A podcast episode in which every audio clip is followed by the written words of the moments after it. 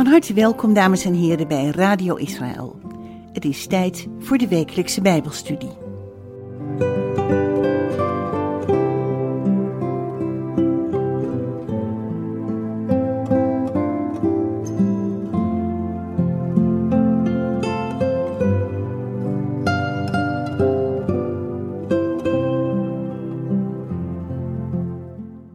Shalom luisteraars. Messiaans Judaïsme.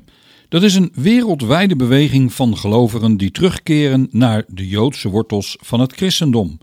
Is deze beweging geleid door Gods geest of is het een beweging die gelovigen onder de wet brengt, zoals eeuwenlang gezegd werd?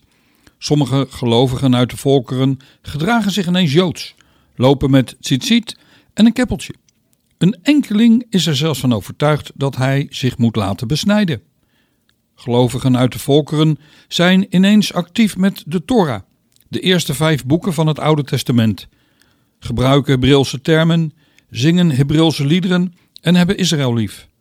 Sommige samenkomsten lijken op een dienst zoals die in de synagoge plaatsvindt.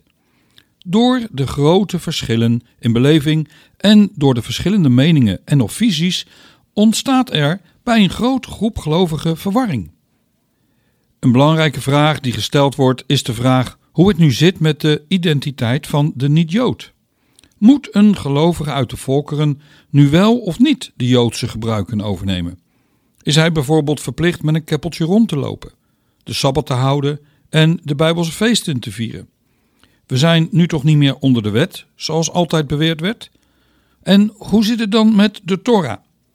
Dit zijn vragen die momenteel zeer actueel zijn. In deze nieuwe studiereeks ga ik in op deze actuele zaken en laat u zien hoe dat gestalte kreeg onder de eerste gelovigen uit de volkeren. Deze groep stond bekend als de Godvrezenden. Deze studiereeks heet dan ook de Godvrezenden. Voor deze studie is gebruik gemaakt naast de Bijbel, het woord van God, van het boek Godfearers, Gentiles en the God of Israel. Godvrezenden, heidenen, en de God van Israël, geschreven door Toby Janicki en aangevuld met onderwerpen uit de praktijk. Misschien, luisteraars, is het goed als u pen en papier gereed heeft en onder andere de Bijbelteksten opschrijft en later nog eens terugleest. Welkom. Mijn naam is Jack van der Tang.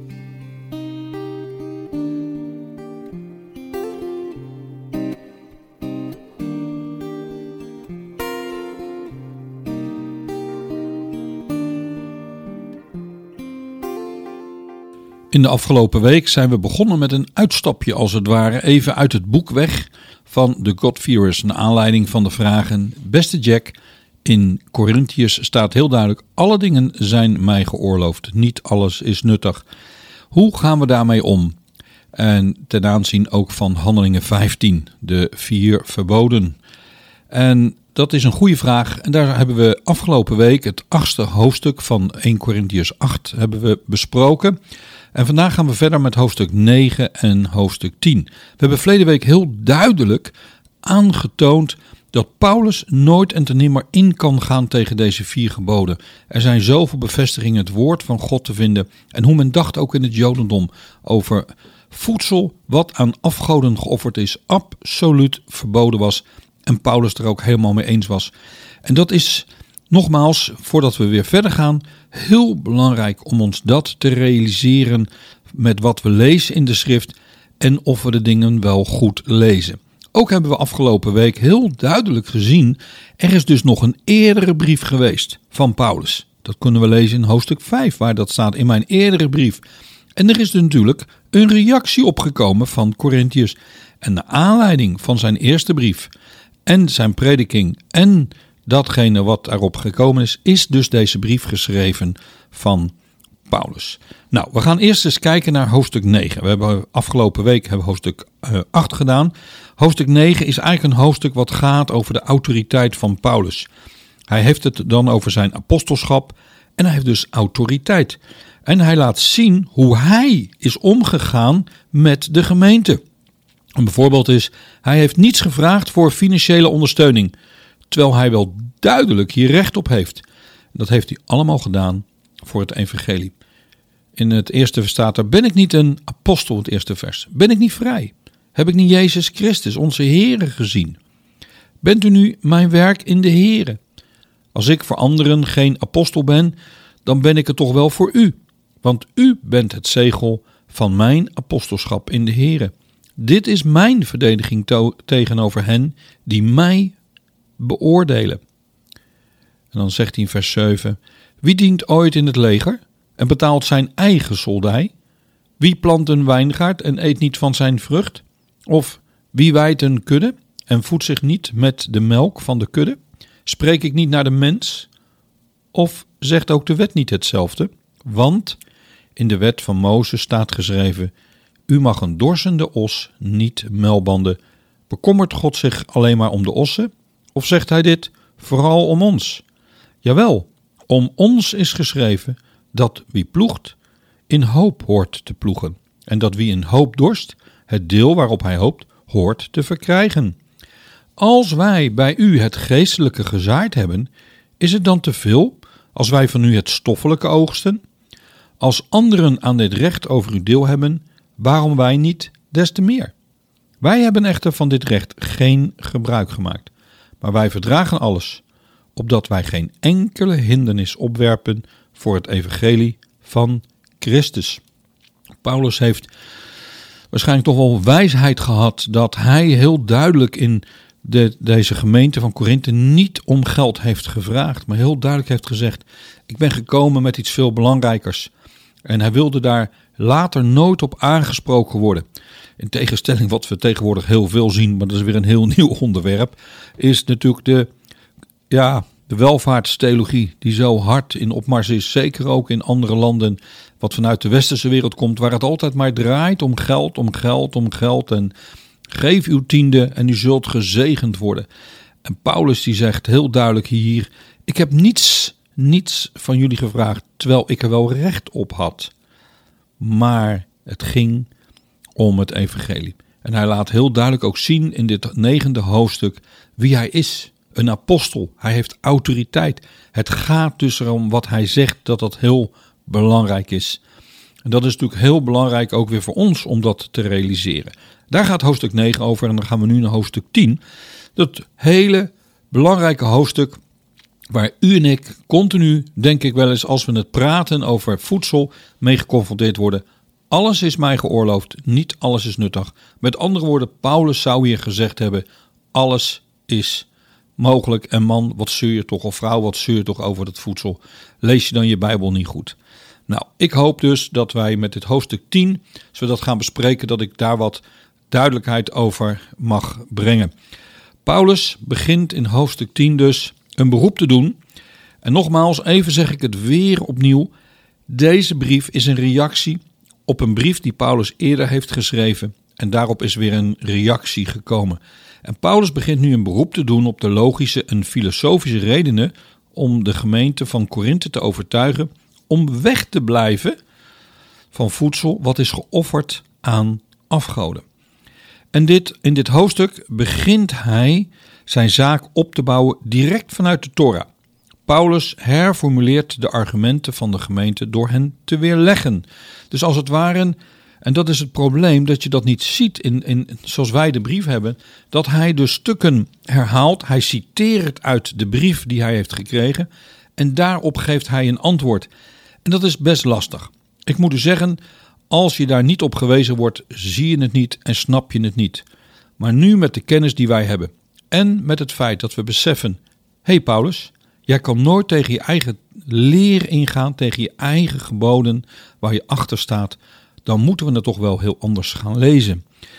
Nou, hij zegt, de gemeente zegt dus eigenlijk iets wat is geofferd, dat is gewijd aan afgoden, dat is niets. En een afgod is niets. Nou, Paulus gaat op die verklaring in met argumenten om het verbod om afgodenvoedsel in stand te houden. Als het ware zou je kunnen zeggen, en dan gaan we even naar 1 Corinthië 10, vers 19. Wat zeg ik hiermee dan? dat een afgod iets is of dat een afgodenoffer iets is, Daarmee haalt hij dus aan wat dus uit de Corinthiërsbrief komt. En dan zegt hij in vers 20, 22: Nee, ik zeg dit omdat wat de heidenen offeren, zij dat aan demonen offeren. En niet aan God. En ik wil niet dat u met de demonen gemeenschap hebt. U kunt niet de drinkbeker van de Here drinken en de drinkbeker van de demonen. U kunt niet deel hebben aan de tafel van de Here en aan de tafel van de demonen. Of willen wij de Here tot jaloersheid verwekken? Wij zijn toch niet sterker dan Hij?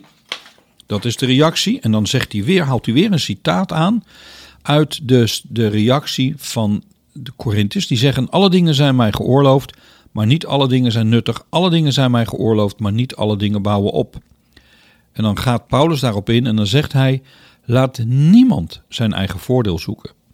Je eigen gelijk wil je pertinent hebben, als het ware. Maar ieder dat van de ander.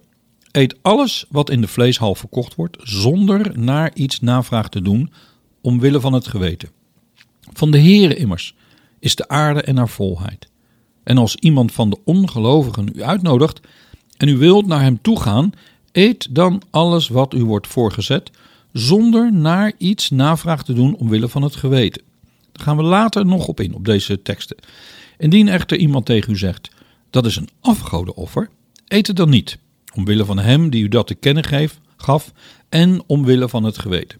Van de Heere immers is de aarde en haar volheid. Ik heb het echter niet over uw eigen geweten, maar over dat van de ander.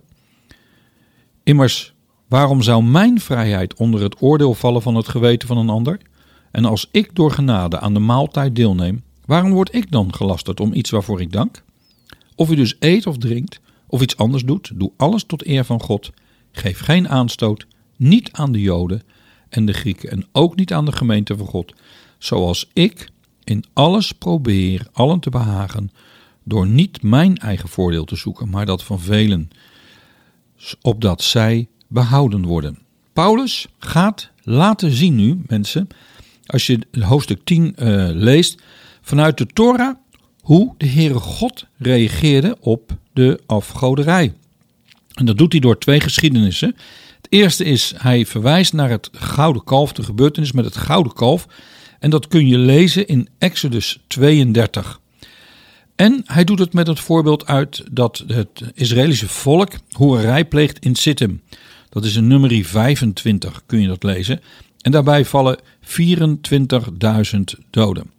En dan zegt Paulus in het zevende vers van hoofdstuk 10: En wordt geen afgodendienaars zoals sommige van hen, zoals geschreven staat. Het volk ging zitten om te eten en te drinken, en zij stonden op om te feesten. En dan zegt hij in vers 11 en 12: Al deze dingen, hè, want er is natuurlijk een ongelofelijke straf van God opgekomen. Er zijn velen gedood vanwege het feit wat zij hier hebben gedaan, dat zij gegeten hebben voedsel wat aan afgodenoffers was geofferd. Al deze dingen, zegt hij in vers 11, zijn nu hun overkomen als voorbeelden van ons. En ze zijn beschreven tot waarschuwing voor ons, over wie het einde van de eeuwen gekomen is. Daarom, wie denkt te staan, laat hij oppassen dat hij niet valt. Dat is voor u en voor mij gelijk een goede les. Laten wij niet denken, wij weten het wel, of wij weten het wel beter. Ach, Jack, waar maak je toch druk om, want. En het gaat niet om mij, maar het gaat erom wat het woord van God zegt. Nou, Paulus, die doet hier iets. Hij verbindt namelijk de ontucht en de afgoderij met elkaar. En hij roept tot waakzaamheid om niet in lust te vallen. En hetzelfde geldt ook voor de afgodenaanbidding.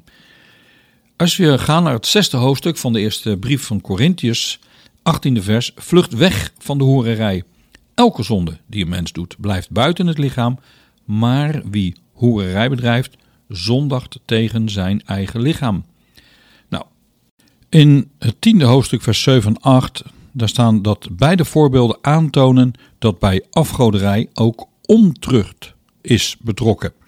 Daar staat: Er wordt geen afgodendienaars, zoals sommige van hen, zoals geschreven staat. Het volk ging zitten om te eten en te drinken, en zij stonden op om te feesten. En laten wij geen hoererij bedrijven, zoals sommige van hen hoererij hebben, en op één dag vielen er 23.000. heel bewust begint Paulus het hoofdstuk, hoofdstuk 10, met de voorbeelden uit de Torah op dit onderwerp. De aanbidding van het gouden kalf begon eerst met offers, toen de mensen bij elkaar zaten en begonnen te eten en te drinken. En in zitten begon het volk hoererij te bedrijven. En daarop staat er in vers 2: Israël, en dan moeten we denken aan nummerie 25, vers 2, 1 en 2 ga ik lezen. Israël verbleef in Sittim. En het volk begon hoererij te bedrijven met de dochters van Moab. Die nodigde het volk uit bij de offers aan een goden. En een volk at en boog zich voor hun goden neer. Toen Israël zich zo aan Baal Peor koppelde, ontbrandde de toorn van de Heere tegen Israël. Daarna gaat Paulus hierop in vanuit een andere hoek. En dan gaan we kijken naar het tiende hoofdstuk, vers 14. Eh, Daarom, mijn geliefde, zegt hij dan, vlucht weg van de afgodendienst. Ik spreek toch tot u als verstandige mensen. Beoordeelt u dan zelf wat ik zeg. Zie dan zelf, zegt hij als het ware, wat er staat in de Torah. Is dat niet een les voor ons? Dan zegt hij vers 16: De drinkbeker der dankzegging, die wij met dankzegging zegenen, is die niet de gemeenschap met het bloed van Christus? Het brood dat wij breken, is dat niet de gemeenschap met het lichaam van Christus?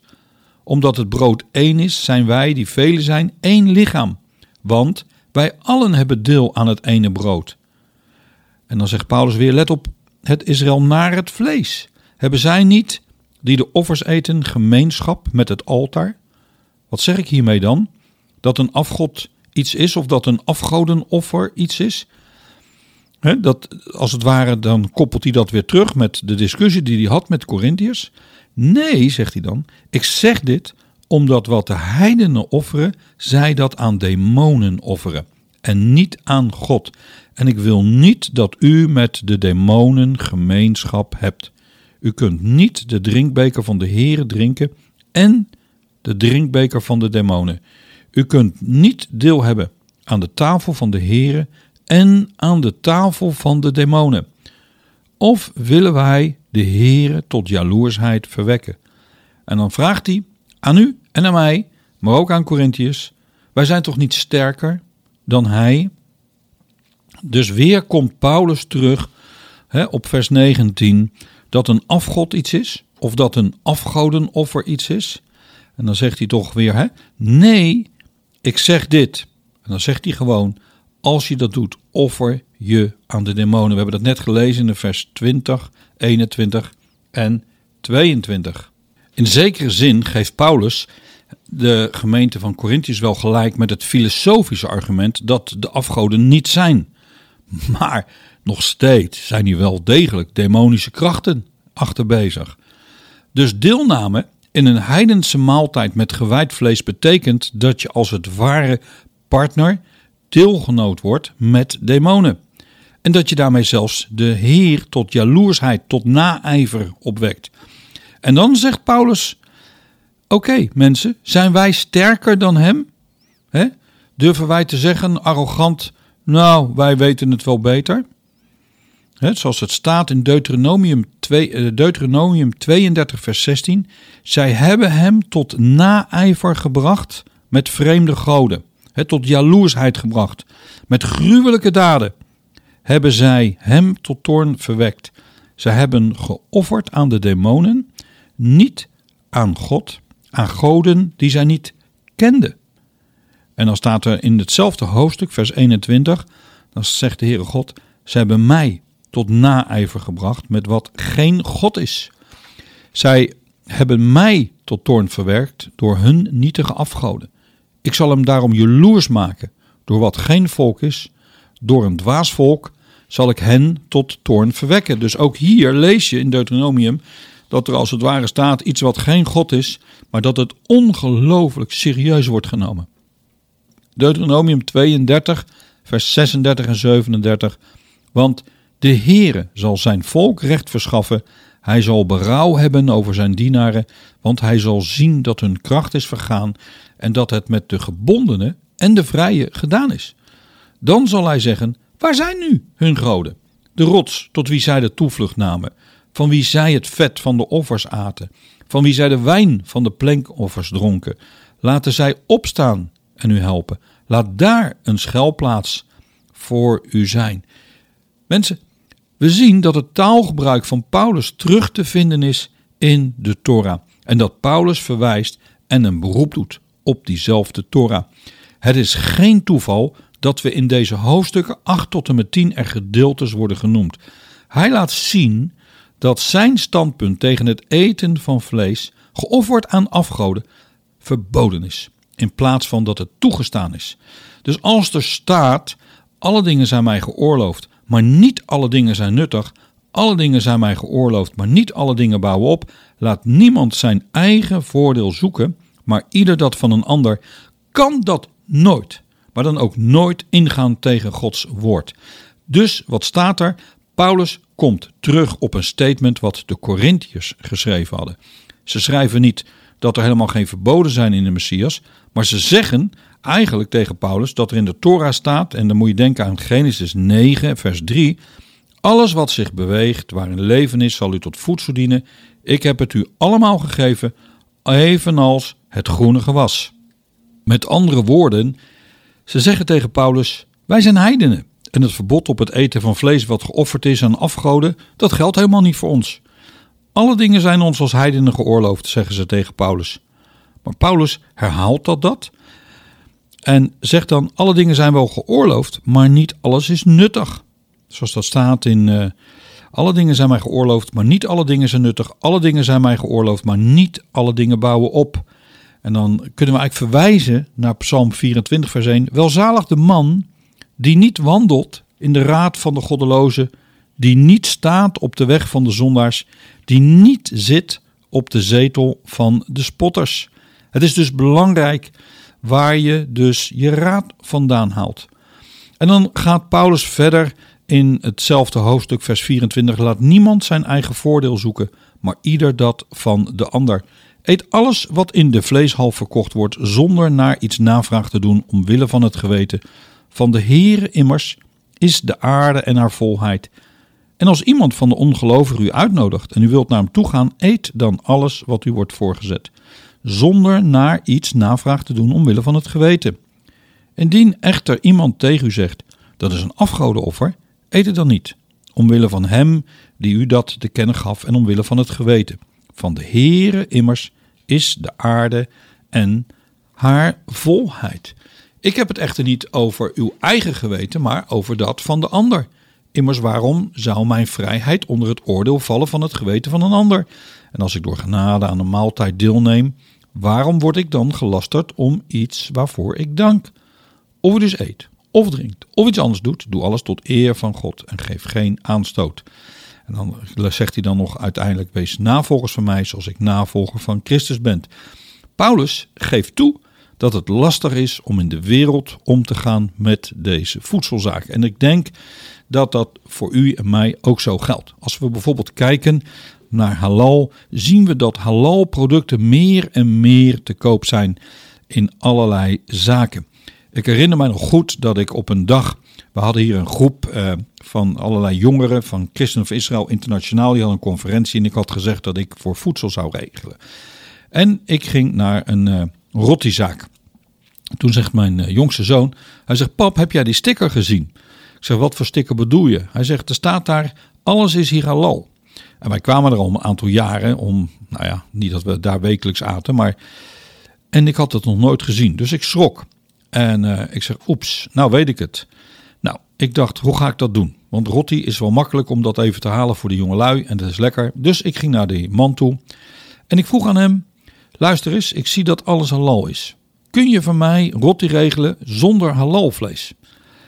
En die man die keek me aan alsof hij water zag branden. Hij zegt, er is niet anders dan halalvlees. En uh, er stond iemand anders naast mij achter de balie, een moslim. Een jonge vent die agressief werd en zegt, meneer, weet u wel wat uh, halal betekent? Hij zegt, uh, hij zegt, er komt een dag, dan kunt u alleen nog maar halal in Den Haag kopen. En toen keek ik hem aan en zei ik, ik weet heel goed wat halal is. En daarom wil ik het niet hebben. Ik zeg, en mijn God is sterker dan de jouwe. En toen ben ik weggelopen. En uiteindelijk heb ik het op een andere manier kunnen regelen. Maar het is dus wel een heel gevoelig punt, want halal, ook in supermarkten, komt er meer en meer en meer halal, ook op een markt. En hoe moet je daar dan mee omgaan? Want je kunt niet altijd zien, uh, ook niet op de Haagse markt hier bijvoorbeeld, ja, dan ga je daar vlees halen. Wat is halal, wat is niet halal? Het is soms allemaal niet zo makkelijk. En in verband met de export naar het Midden-Oosten, wat een grote markt voor bedrijven is, hebben zij heel veel halal producten.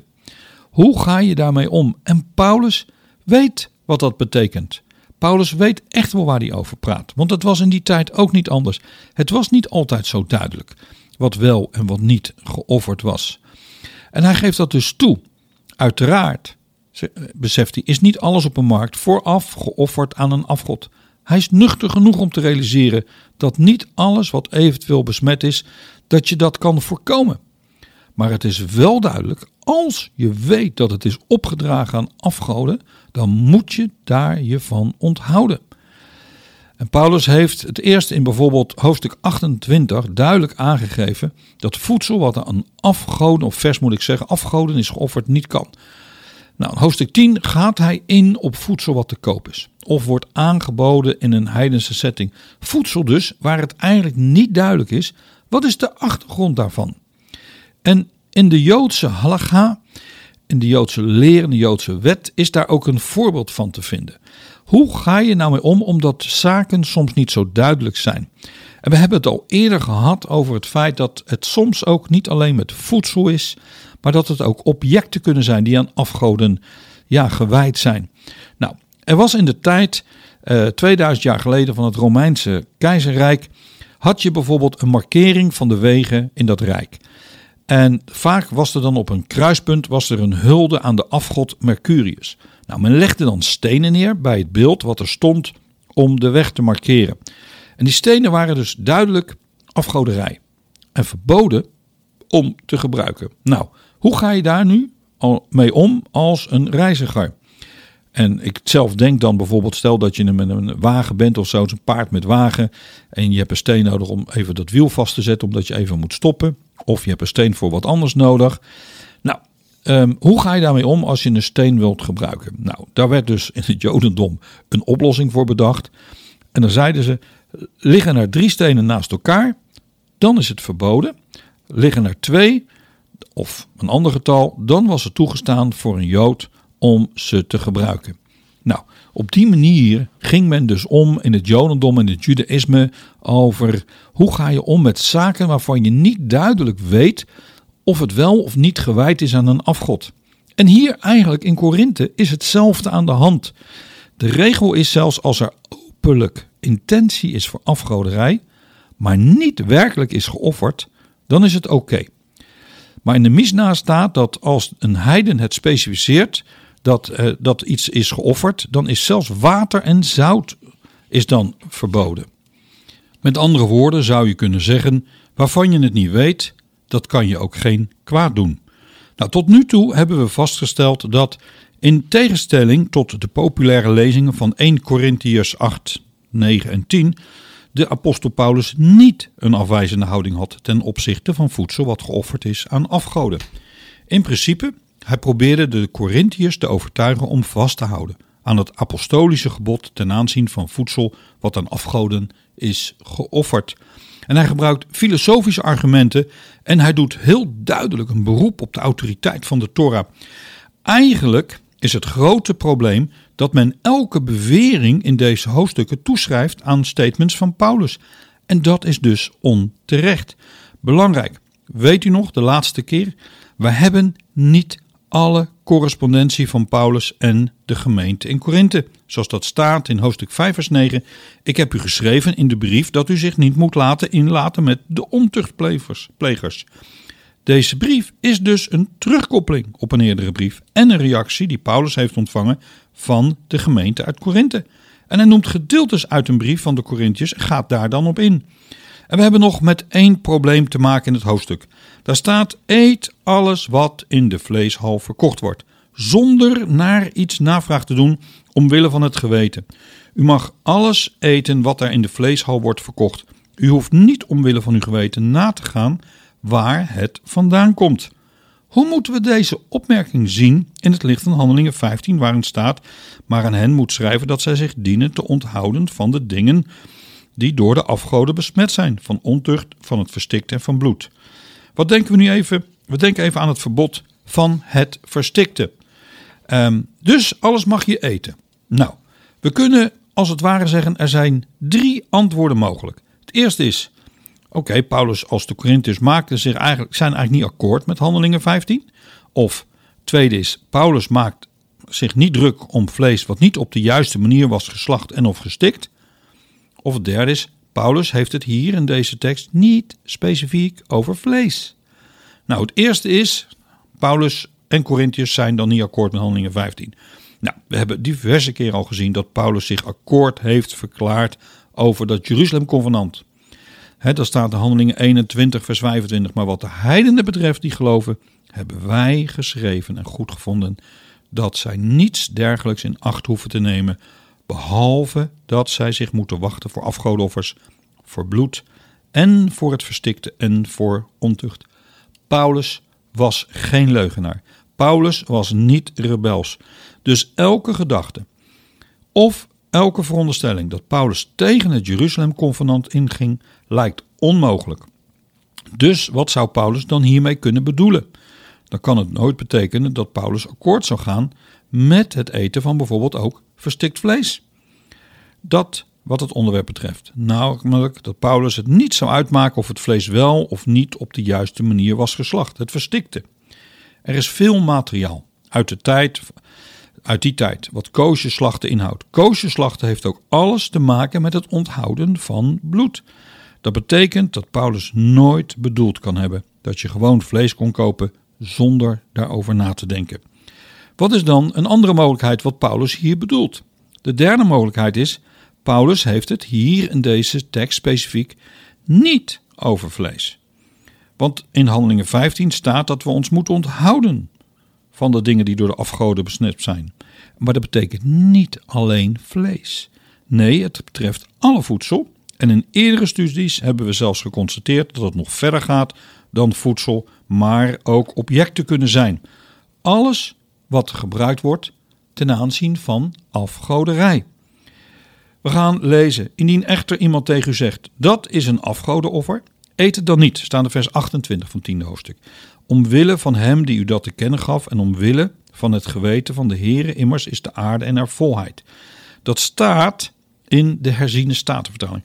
Maar in de nieuwe berijming staat bijvoorbeeld, maar wanneer iemand u erop wijst dat u vlees van, af, van offerdieren eet, en er staat dus in de herziene een afgodenoffer. Maar in het Grieks, luisteraars, staat er nergens het woordje vlees. Wij kunnen dus de indruk krijgen dat het hier gaat om dieren die geslacht worden en dat er bloed vloeit en de offers worden opgedragen aan een afgod. Maar in het Grieks staat hier hierotuton, als iets wat geheiligd en geofferd is. Het hoeft dus niet altijd te maken hebben met vlees. Het kan namelijk ook betreffen wijn, graan of brood. Nee, het is zelfs dat er maar één keer het woord vlees gebruikt wordt in de hoofdstukken 8 tot en met 10. En dat is dan in hoofdstuk 8, vers 13. Daarom, als het voedsel mijn broeder doet struikelen, dan zal ik in eeuwigheid geen vlees meer eten. Dat is de enige keer. Vlees eten in de tijd van Paulus was wel even anders dan u en ik doen. De gewone burger at eigenlijk zelden vlees, meestal alleen bij speciale gelegenheden. Feesten bijvoorbeeld. De zaak is dus hier dat het gaat dat de Corinthiërs betrokken zijn bij andere typen van voedsel die besmet zijn door afgoderij. De Joodse wet bijvoorbeeld verbiedt wijnen te drinken van heidenen die gewijd zijn aan afgoden. Eet alles wat in de vleeshal verkocht wordt zonder naar iets navraag te doen omwille van het geweten. Nou, luisteraars, ik maak deze studie even af. Het gaat wat langer door dan u gewend bent van mij met de studies van een half uur. Maar nu wil ik dit even afmaken en dan kan ik volgende keer weer een nieuwe beginnen. Wat staat er nu, die vleeshal? Daar staat in het Grieks het woord makelon. En dat woord dat verwijst naar de hele markt in een oude stad. Het betreft de plaats waar alle soorten voedsel worden verkocht. En er is de afgelopen jaren veel meer over ontdekt door bijvoorbeeld opgravingen. Het blijkt dat het overal hetzelfde type markt was. In het midden een fontein met daarover een dak wat rustte op pilaren die rond de fontein stonden. En op bepaalde plaatsen waren daar plekken waar bijvoorbeeld een ruimte was om een maaltijd te eten die geofferd was aan een afgod. En het woord makelon is op een inscriptie gevonden in Korinthe. Dus we kunnen stellen dat het hier niet alleen vlees betreft, maar alle soorten voedsel. En Paulus beseft heel goed dat hij niet alle voedsel kon verbieden. Door de aanwezigheid van voedsel wat gewijd was aan afgoden zou de indruk ontstaan dat je dus niet meer op die markt, op de makalon, zou kunnen kopen. Nou, dan het uh, vers 27. En als iemand van de ongelovigen u uitnodigt en u wilt naar hem toe gaan, eet dan alles wat u wordt voorgezet, zonder naar iets navraag te doen omwille van het geweten. En indien echter, en ik doe de statenvertaling, iemand tegen u zegt dat is een afgodenoffer, eet het dan niet. Omwille van hem die u dat te kennen gaf en omwille van het geweten. Van de Heere immers is de aarde en haar volheid. Maar in vers 28 in de NBV-vertaling staat maar wanneer iemand u erop wijst dat u vlees van offerdieren eet, en nogmaals, dat staat er helemaal niet in de grondtekst. Dus het betreft niet vlees, maar alle soorten voedsel. En ook de NBG spreekt over vlees.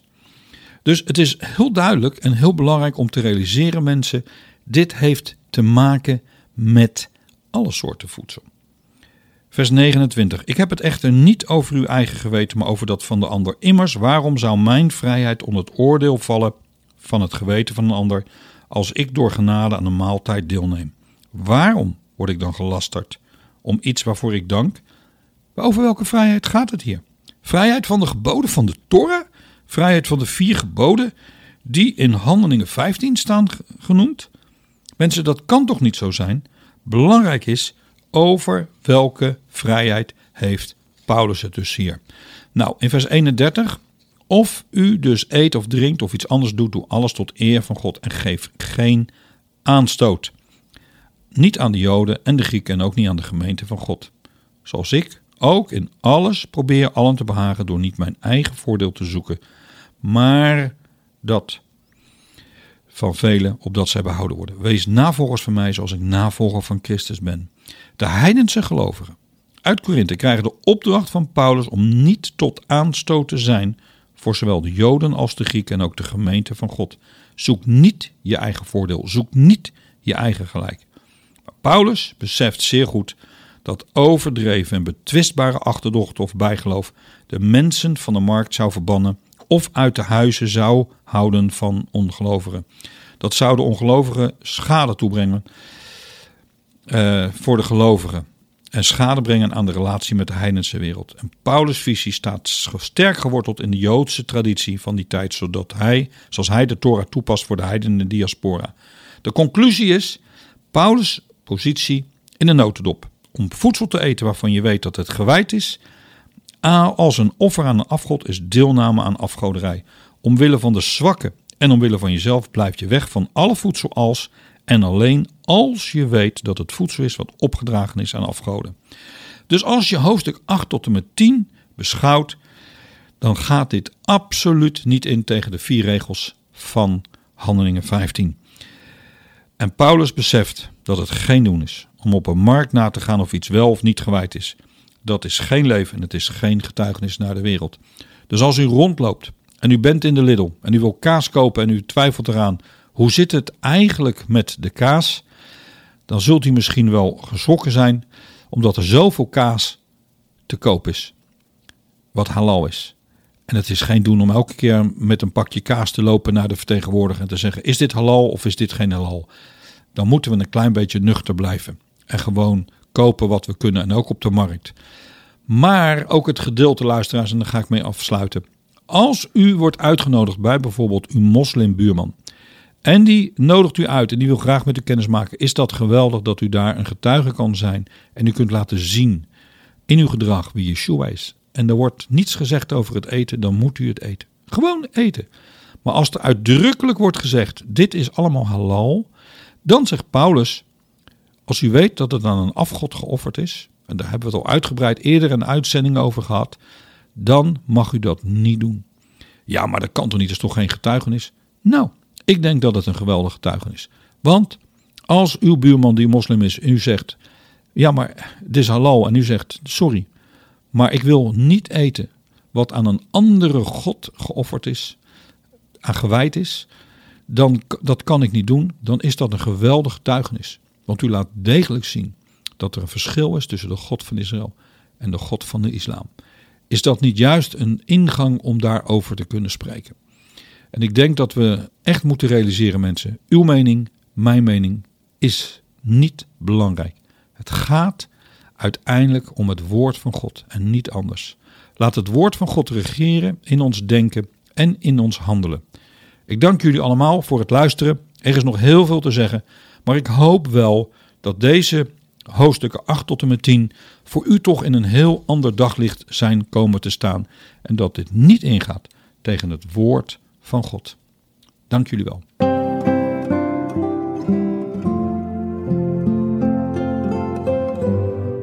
U hebt geluisterd naar de wekelijkse Bijbelstudie op Radio Israël.